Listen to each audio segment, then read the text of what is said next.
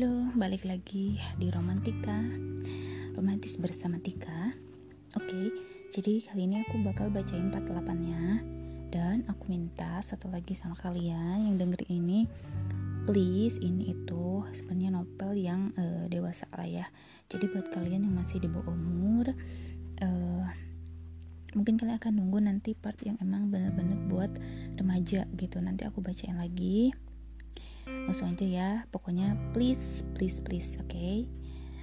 uh, eh, bagian 8 kembali ke kubangan yang sama Tori mengegas motornya dan meliuk di tengah dua mobil dengan sigap.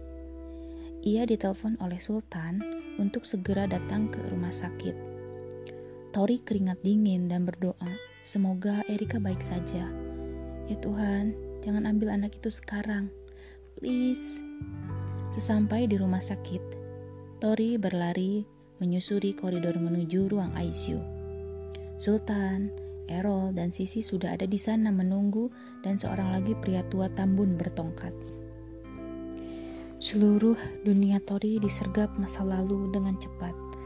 Rasa sakit, khawatir, dan putus asa mendera jiwanya dengan cepat. Tori berdiri kaku di ambang ruang tunggu, menatap pria tua itu dengan mata terbelalak dan tanpa sadar air mata bergulir di pipinya.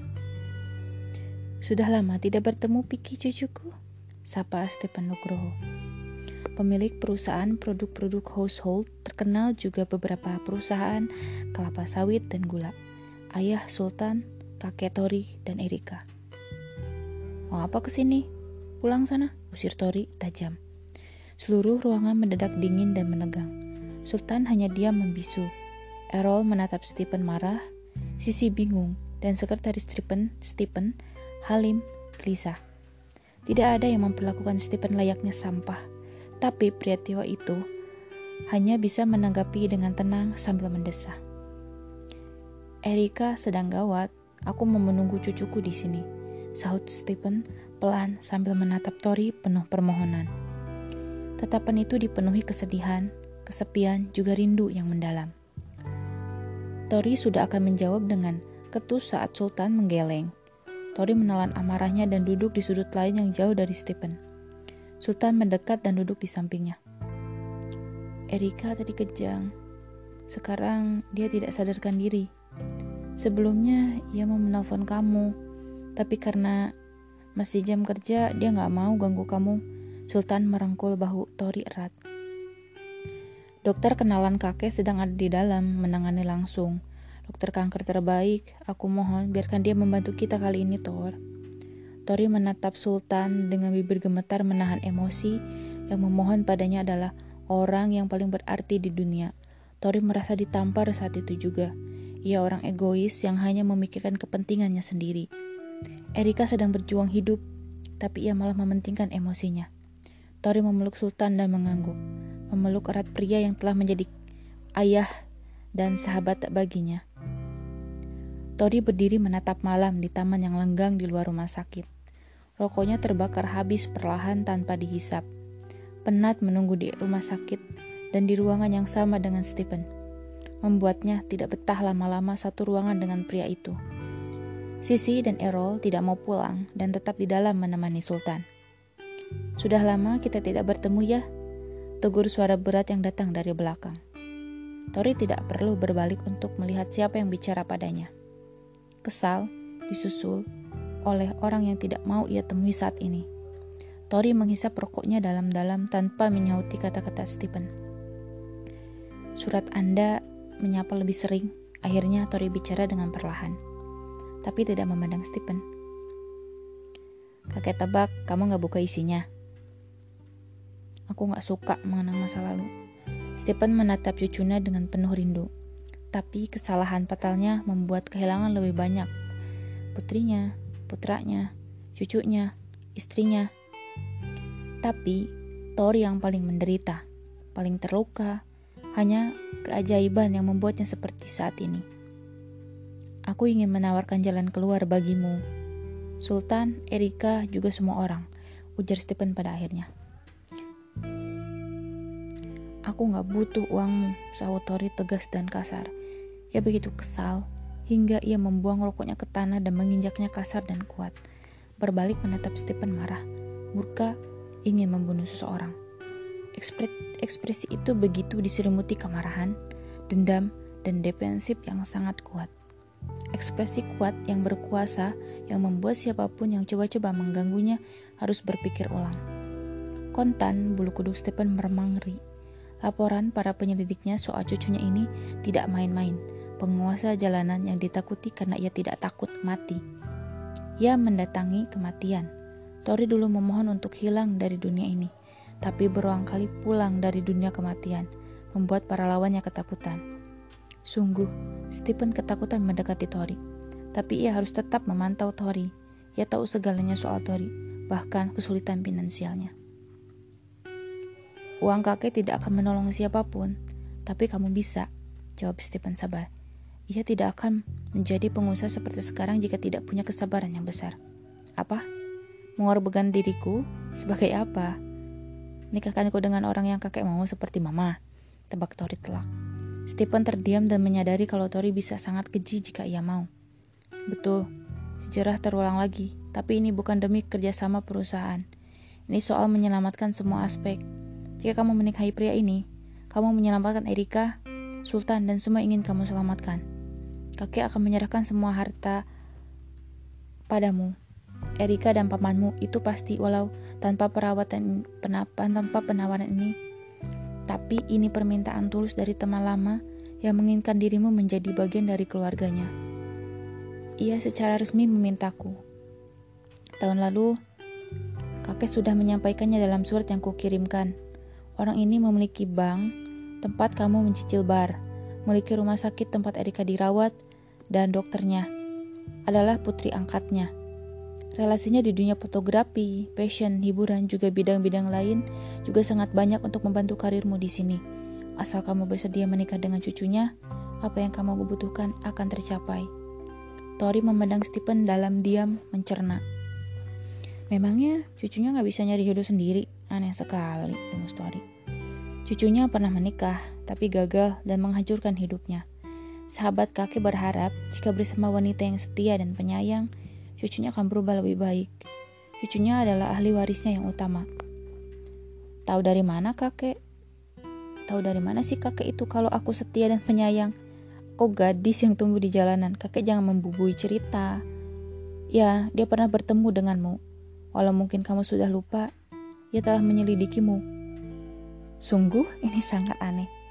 Apa sih yang mau yang mau kalian sebenarnya? Sergah Tori tidak sabar.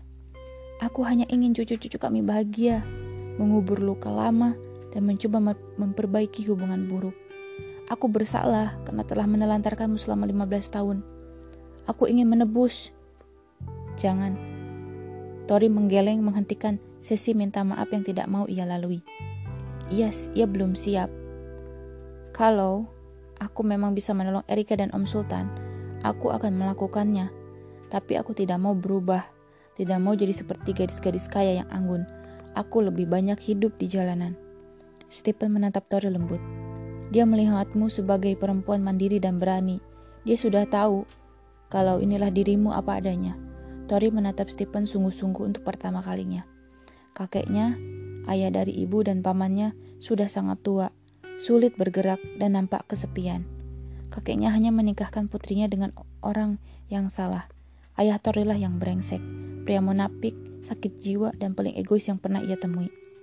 Bekas luka di punggungnya berkedut nyeri hanya karena teringat ayahnya yang selalu memukulnya dengan gesper jika Tori nakal. Melawan, bahkan saat tidak bersalah pun ia dipukul. Jika ada yang tidak menyenangkan hati kakaknya, ayahnya ngamuk. Jika ada yang membuat ibu tirinya merengek, ayahnya membabi buta dan Tori adalah pelampiasan ayahnya. Dulu saat mama masih hidup, amarah ayahnya, ia yang tanggung. Setelah meninggal, Tori yang kena. Dan tidak ada yang membantu Tori. Tidak Stephen yang menatap yang menetap di Australia, tidak juga kakek neneknya dari pihak ayah Tori. Paman dan bibi diam, karena ayah Tori orang yang berkuasa, terlalu beresiko jika melawannya, hingga Tori harus pergi sendiri dan berjuang di jalanan yang keras dan berbahaya. Semua status, fasilitas, dan apa pun yang Tori nikmati di rumah ayahnya, ia lepas. Anehnya, jalanan masih lebih bersahabat dibanding rumah ayahnya. Masih banyak orang yang peduli dan mengasihi tanpa pamrih. Tori bersyukur pergi dari rumah itu. Setiap detik dalam hidupnya bersyukur. Memiliki Sultan, Diana, Erika, Errol, Sisi, dan masih banyak orang yang berjasa untuknya yang ia kasihi. Tapi ia tidak mau berakhir seperti mama. Ia bersedia melakukan apa saja, tapi tidak menikah. Bayangan hidupnya berakhir seperti mama dan jika memiliki anak, pasti juga akan tersiksa seperti dirinya. Tori mengapalkan tangan gelisah. Kalau kamu mau, buat saja kontrak nikah yang bisa melindungimu. Aku akan membantumu mencari pengacara yang terbaik agar kamu tidak berhar berakhir seperti mamahmu. Aku tidak mau kamu juga jadi korban. Stephen menerap Tori dan memahami kegelisahan dan keengganannya. Aku akan memikirkannya, gumam Tori. Tentu saja, Stephen menyahut pelan. Mereka kemudian kembali ke dalam rumah sakit. Empat jam kemudian, dokter mengatakan Erika sudah siuman. Kelegaan menghampiri dengan sangat kuat. Sultan bergegas meminta ingin bertemu Erika, tapi dilarang oleh dokter perempuan bernama Ratna, yang tenaganya diminta khusus oleh orang yang ingin menikahkan cucunya dengan Tori. Maaf, putri Anda harus memulihkan tenaganya. Tapi dia putriku dan aku mau bertemu dia sekarang, potong Sultan dengan kasar dan marah. Amarah dan ketidaksabaran tidak akan membuat Erika lantas bangun dan memeluk Anda, sahut Dr. Ratna tajam. Saat ini ia bahkan tidak mengenal Anda karena masih di dalam pengaruh obat. Sahutnya tegas dan ketus dari Dr. Ratna. Sangat mengagetkan semua dokter yang berhadapan dengan Sultan sudah takut dan segan lebih dulu karena penampilan kasarnya. Tapi Ratna yang berpenampilan kutu buku, lengkap dengan kacamata dan penampilan yang tidak trendy sama sekali, tidak lantas takut dan gelisah. Ia menatap Sultan tajam. Sultan melotot pada Ratna, tapi tidak lagi melawan. Melihat orang tua pasiennya sudah paham, Ratna menatap Stephen lalu Tori. Saat ini, yang bisa saya lakukan adalah membuat Erika tetap kuat dan mempelajari lagi kenapa tidak satu pun yang tulang sumsum -sum keluarganya tidak ada yang cocok. Kemoterapi sudah lagi tidak cocok untuk Erika. Sekarang yang membuatnya bertahan hidup hanyalah semangatnya. Dan sebagai keluarga, saya berharap Anda bisa sabar dan tetap tenang. Ratna menarik napas dan permisi untuk memeriksa Erika lagi. Tori merangkul bahu Sultan yang tegang. Apa mereka akan kehilangan orang yang mereka cintai lagi? Oke, ya itulah 48. Aku akan bakal jadi bacain 49. selanjutnya ya. Jadi, selamat mendengarkan. thank you